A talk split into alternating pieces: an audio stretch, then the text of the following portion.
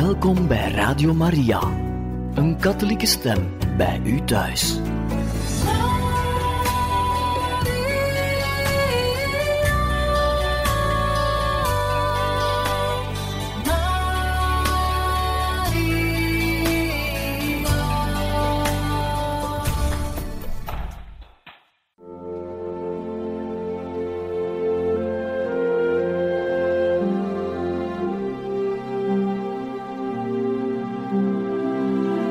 Beste luisteraars van Radio Maria, welkom bij het programma Catechismus. Een overweging bij de geloofschat van de kerk.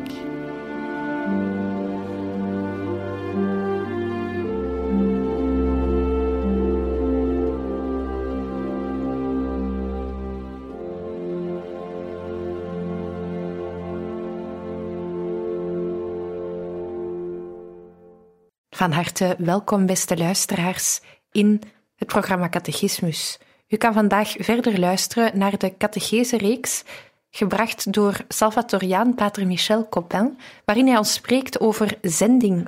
Vandaag een tweede keer over de figuur van koning David. Beste luisteraars, laten wij even toch een sprong maken en het Oude Testament verlaten om Jezus aan het woord te laten. De figuur van David is steeds verbonden met de persoonlijkheid van Jezus. Of de voorstelling van Jezus putte men heel wat informatie of beelden die men voor David gebruikte. Jezus als de figuur van de goede herder. Wij vinden het in Johannes, bij Johannes een tiende hoofdstuk. Jezus zei: Luister heel goed naar mijn woorden. Stel dat iemand een stal met schapen binnengaat en hij gaat niet door de deur, maar hij klimt in het geheim naar binnen. Dan is het een dief of een rover. Maar de herder gaat door de deur naar binnen. Voor hem maakt de bewaker de deur open. Dan roept de herder de schapen die bij zijn kudde behoren. De schapen luisteren naar zijn stem, de herder noemt hun namen en neemt ze mee naar buiten. Als alle schapen buiten zijn, loopt de herder voor ze uit.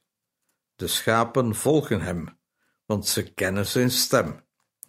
Zij zullen niet achter een vreemde aanlopen. Daar lopen ze juist van weg, omdat ze zijn stem niet kennen.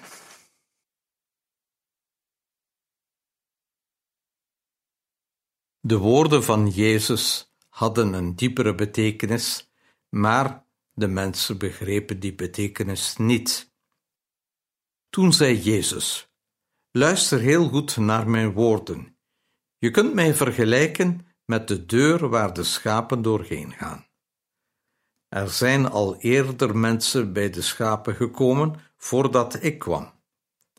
Maar dat waren allemaal dieven en rovers, en de schapen hebben niet naar hen geluisterd. Die dieven wilden de schapen stelen, doden en opeten. Maar ik ben gekomen om de schapen naar buiten te brengen naar plaatsen met veel gras. Dit betekent: ik ben gekomen om mensen het eeuwige leven te geven. Want ik ben de deur naar het eeuwige leven. Wie in mij gelooft, wordt gered. Het beeld van de herder komt in het Nieuwe Testament steeds weer terug. Hoe moeten we nu dat beeld van de goede herder voorstellen? Het beeld van de herder David, waar ook Samuel naar op zoek was. Een schaapskooi had maar één toegang. En wanneer alle schapen in de kooi waren, hing de herder in die toegang zitten. Zo konden de schapen er niet meer uit ontsnappen de herder werd als het ware de levende deur van die schaapskooi. Een schaapskooi was een veilige ruimte binnen de muren van op, opgehoopte stenen van ongeveer een meter hoog en dit in een vorm van een cirkel. Deze schaapskooi was vaak gebouwd tegen rotsen waarin grotten of holen waren. En zo'n kooi had maar één toegang. De herder ging er met gespreide benen in staan om zo de dieren te kunnen tellen, terwijl ze onder zijn benen door de kooi inliepen. In Jezus' tijd was een leven als herder hard. Gras en water waren schaars. Heuvels en ravijnen maakten het weiden moeilijk. Wolven en jakhalzen bedreigden de kudde en de herders hadden er schrik voor. De goede herder had niks romantisch aan zich. Hij had veel eer het beeld van iemand die heldhaftig, die liefde toonde voor zijn dieren. Het gaat hier om iemand die door dik en dun zorg draagt voor zijn schapen. De herders van Bethlehem, die verwijzen naar het herderschap van David, waren eigenlijk ruige bonken.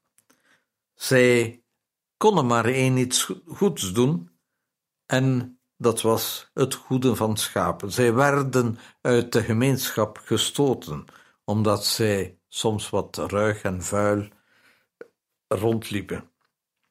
Maar met eens ze met dieren waren, waren zij een liefdevol wezen die zorg wist te dragen over de kudde. Herder is in die zin de titel dat men aan een koning gaf.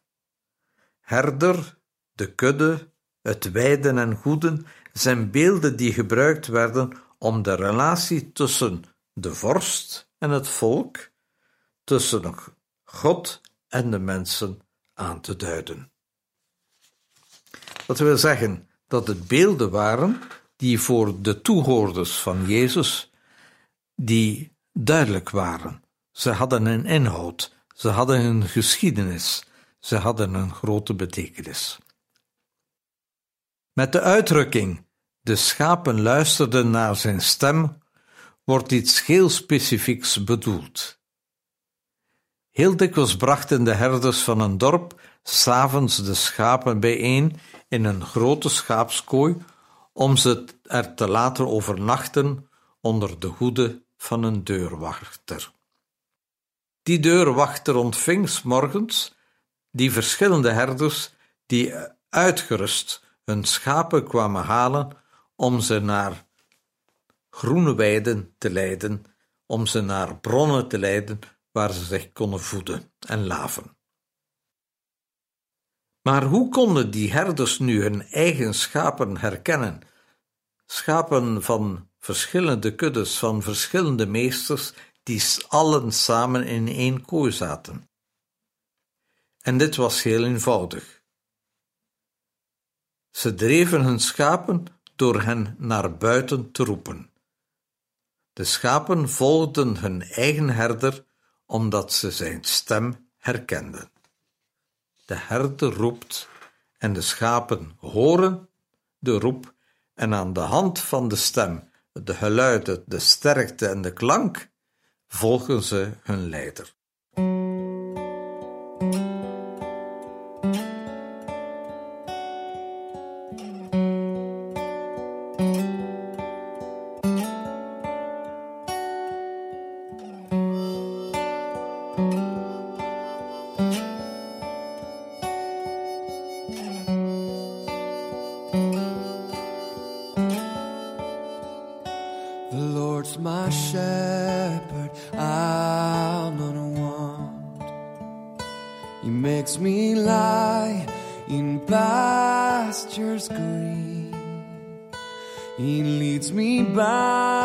still, still waters. His goodness restores my soul.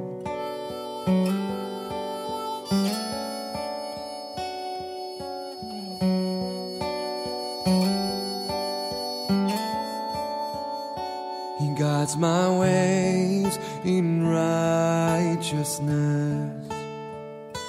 And he anoints my head with oil, and my cup it overflows with joy. I feast on his pure delights.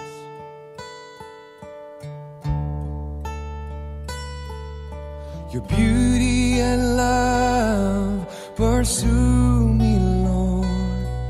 all the days of my life, all the days of my life.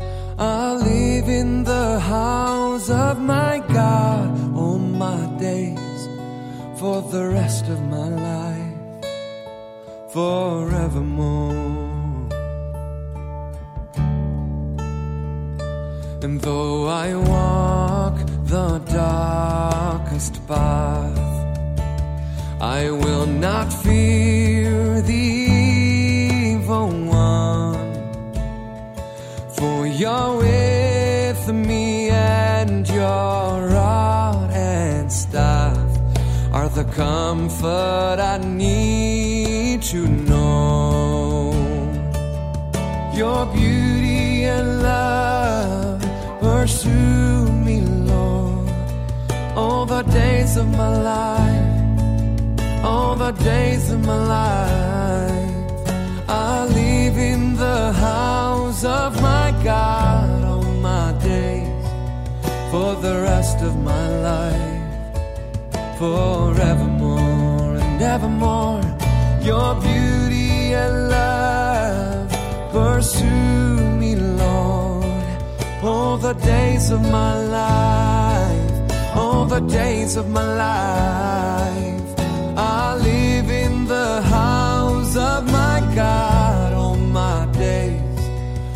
The rest of my life, forevermore. And I will trust in you alone and I will trust in you alone. For your endless mercy follows me, your goodness will lead me home. For your endless mercy follows me. Your goodness will lead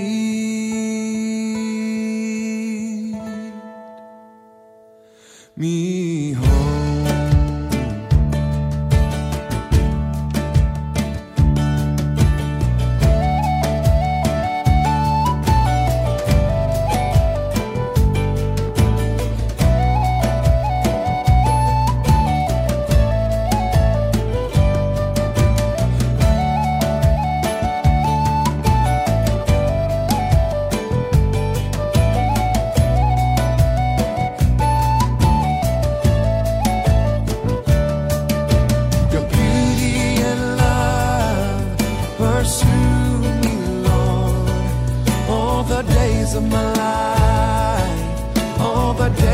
My life.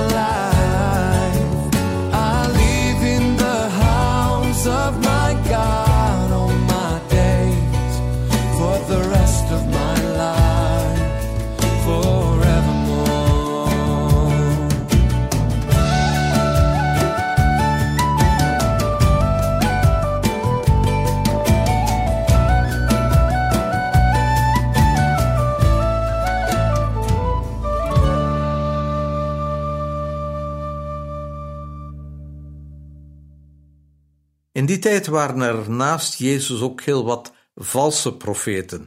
Profeten die zich als goede herder wou uitgeven, maar met andere bedoelingen. De stem van Jezus was een heel eigen stem. Het was de stem van de Vader, de stem van liefde en barmhartigheid. Een ander geluid, een andere manier van spreken dan zijn andere profeten, tijdsgenoten van Jezus. Jezus had een eigen stem, de stem van zijn Vader, die de stem van liefde en barmhartigheid was. De stem van andere profeten waren er van een straffende en een wraaknemende God, een ander godsbeeld, een godsbeeld dat geen liefde uitstraalde, maar eerder schrik, angst inboezemde. De stem die Jezus laat horen is een stem van een liefdevolle Vader. Jezus laat duidelijk aanvoelen dat er een onderscheid is tussen zijn stem en de stem van vele anderen. Wie Jezus wil navolgen, zal niet de stem van de vreemde volgen. Integendeel, ze vluchten van hem weg, omdat ze de stem van de vreemde niet vertrouwen.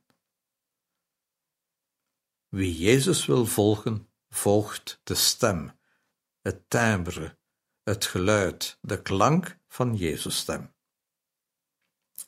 Jezus stelt zijn herder zijn dan ook tegenover de houdingen van dieven en rovers. En met dieven en rovers bedoelt Jezus alle mensen die het lot van hun schapen niet ter harte nemen. Ze hebben de schapen alleen maar om ze te gebruiken, om eigenlijk iets anders mee te doen, om hun macht aan hen op te leggen of te gebruiken om rijker te worden. Jezus daarentegen is degene die redt, die uiteindelijk een redder is. Dat wil zeggen dat hij degene is die bekwaam is om zelf zijn leven te geven voor de schapen die op een zijspoor terechtgekomen is, of die zelfs, zelfs verloren gelopen zijn en het diepe verlangen hebben om hun plaats weer bij de andere schapen in te nemen. Denken wij aan het verhaal van het verloren schaap, of zelfs van de verloren zoon.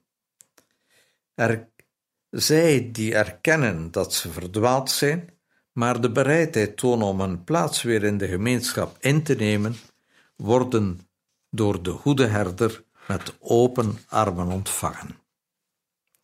Wie kan vertrouwen op een goede herder, die de deur is van de schaapskooi, kan gewoon die schaapskooi verlaten en er weer naar terugkeren. Hij weet dat er iemand over hem waakt en met hem begaan is. Dit is de houding van de gelovige. Hij gelooft in een instantie, in een persoon, onzichtbaar, ongrijpbaar, maar die wel over hem waakt. En dat schept vertrouwen. Dat schept zelfs een fundamenteel levensvertrouwen. Een God die zorgend omgaat met het leven, met ons leven, met mijn leven, boezemt vertrouwen in. Echte gelovigen gaan door het leven met een groot levensvertrouwen. Ze zijn blij en gelukkig. Zij zijn ook rustig en weten zich geborgen en gedragen door een Vader die het goed met hen voor heeft, die voor hen het beste wil, die voor hen leven, eeuwig leven wil schenken. Ondertussen weten wij uit de wetenschap dat mensen langer leven die en minder schrik hebben voor de dood, omdat ze een vertrouwen hebben, omdat zij zich definitief geborgen weten bij een liefdevolle Vader. Dat is het juist. Als je je geborgen weet bij God, gedragen weet door Hem, je geliefd weet door Hem, dat zorgt voor een enorme, enorme boost van vertrouwen. Dat zorgt ervoor dat veel stress, dat veel vragen, dat veel onbegrip van jou wegvalt, waardoor je rustig door het leven kan gaan. En wie vertrouwvol en rustig door het leven kan gaan, leeft langer, leeft zelfs eeuwig. De dief en de rover komen alleen om te stelen, te slachten en te vernietigen. Hij gebruikt of misbruikt zijn schapen alleen maar omwille van zijn verlangens en is weinig voor hun bestaan bekommerd. Hij denkt alleen aan zichzelf, aan zijn macht, aan zijn bezit, aan zijn eer en niet aan het welzijn van de schapen. Jezus daarentegen zegt dat hij gekomen is opdat de mensen leven en leven zouden bezitten en wel in overvloed. En Jezus kan dit zeggen vanuit zijn verbondenheid met de Vader, vanuit het, de ervaring die hij heeft van God, die hem dat leven schenkt, die, waarin hij kan vertrouwen, waarin hij zijn leven kan uitbouwen. Een vader die aan al zijn schepselen leven in overvloed wil geven. Beste luisteraars, ik vond het belangrijk om de link te leggen tussen de keuze van, en de zalving van koning David als de koning voor een volk die een leider nodig had om leiding te geven, om vertrouwen te scheppen in een moeilijke nieuwe levenssituatie van het volk van God, die van een rondtrekkend nomadenvolk geëvolueerd was naar een volk die zich, zich gezetteld had en eigenlijk ter plekke bleef om er gronden te bewerken. Niet de machtige, uitziende grote broers van David worden door Samuel uitgekozen om koning te worden. Maar hij, de laatste van de hoop, waar zijn vader eerder een mistrouwen heeft omdat zijn zoon een dromer is, een zwever, en omdat de vader hem daarom als een herder naar de schapen heeft gestuurd om toch wat levenszin bij te brengen. Juist deze man wordt door Samuel erkend als degene die hij voor God voor het volk van God moet salven. Het is een mooie geschiedenis.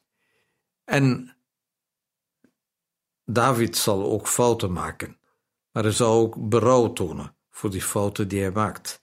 Maar hij zal de zending krijgen om het volk van God te leiden, om het volk van God niet alleen sterk te maken, te verdedigen tegen vijanden, tegen indringers, maar ook om het volk van God naar God te brengen. En echt een volk van God te maken. En dat is de zending die David krijgt. Hij moet zijn kudde verlaten om zijn nieuwe kudde, zijn volk, de mensen leven te geven. Wie de persoonlijkheid van David goed weet te verstaan, kan zeer goed begrijpen waar een nakomeling van diezelfde grote koning David, Jezus van Nazareth, welke de criteria waren voor Jezus om eigenlijk zijn zending, zijn missie te verwezenlijken. Ook Jezus wil een goede herder zijn. Ook Jezus zal als koning, koning als goede herder, toegejuicht worden. Ook Jezus zal zijn Vader als een goede herder aan ons doorgeven, aan ons verkondigen. Beste luisteraars, binnen, bij het begin van deze uitzending gaf ik aan dat het voor mij, toen ik de eerste keer moest voorgaan en een preek maken rondom het feest van Christus Koning, dat ik niet goed begreep waar het om ging. Maar nu, door het lezen van de zending van koning David, door het lezen van de verhalen van Jezus over de goede herder, is het mij maar al te gemakkelijk geworden om een duidelijk beeld te scheppen bij het feest van Christus Koning, dat een feest is werkelijk waar het goede herder zijn van Jezus wordt beklemtoond. Het goede herder zijn zoals hij in zijn voorvader David het heeft mogen erkennen, herkennen. Het goede voorbeeld van een koning die zich gezonden wist door God om goed te zijn voor zijn volk. Ik dank jullie voor jullie aandacht en volgende keer zetten wij een nieuwe stap om te kijken hoe de zending eruit zag bij de profeten. Ik wil afsluiten met een gebed. Heer Jezus, in uw licht wordt alles helder. Met uw genade voegt zich alles naar uw wil. Neem nu bezit van heel mijn wezen, zodat mijn eerste zorg de glorie van uw liefde zij, het heil van alle mensen. Dan onderscheid ik, oprecht van hart, wat gij van mij verwacht, en ga ik moedig langs de weg die gij mij wijst. Heer, wat wilt gij dat ik doe? Spreek, Heer, uw dienaar luistert. Mijn hart is bereid. Maria, moeder van de Heer, leer mij leven met het onverdeelde ja dat ooit uw antwoord was op de boodschap van God. Amen.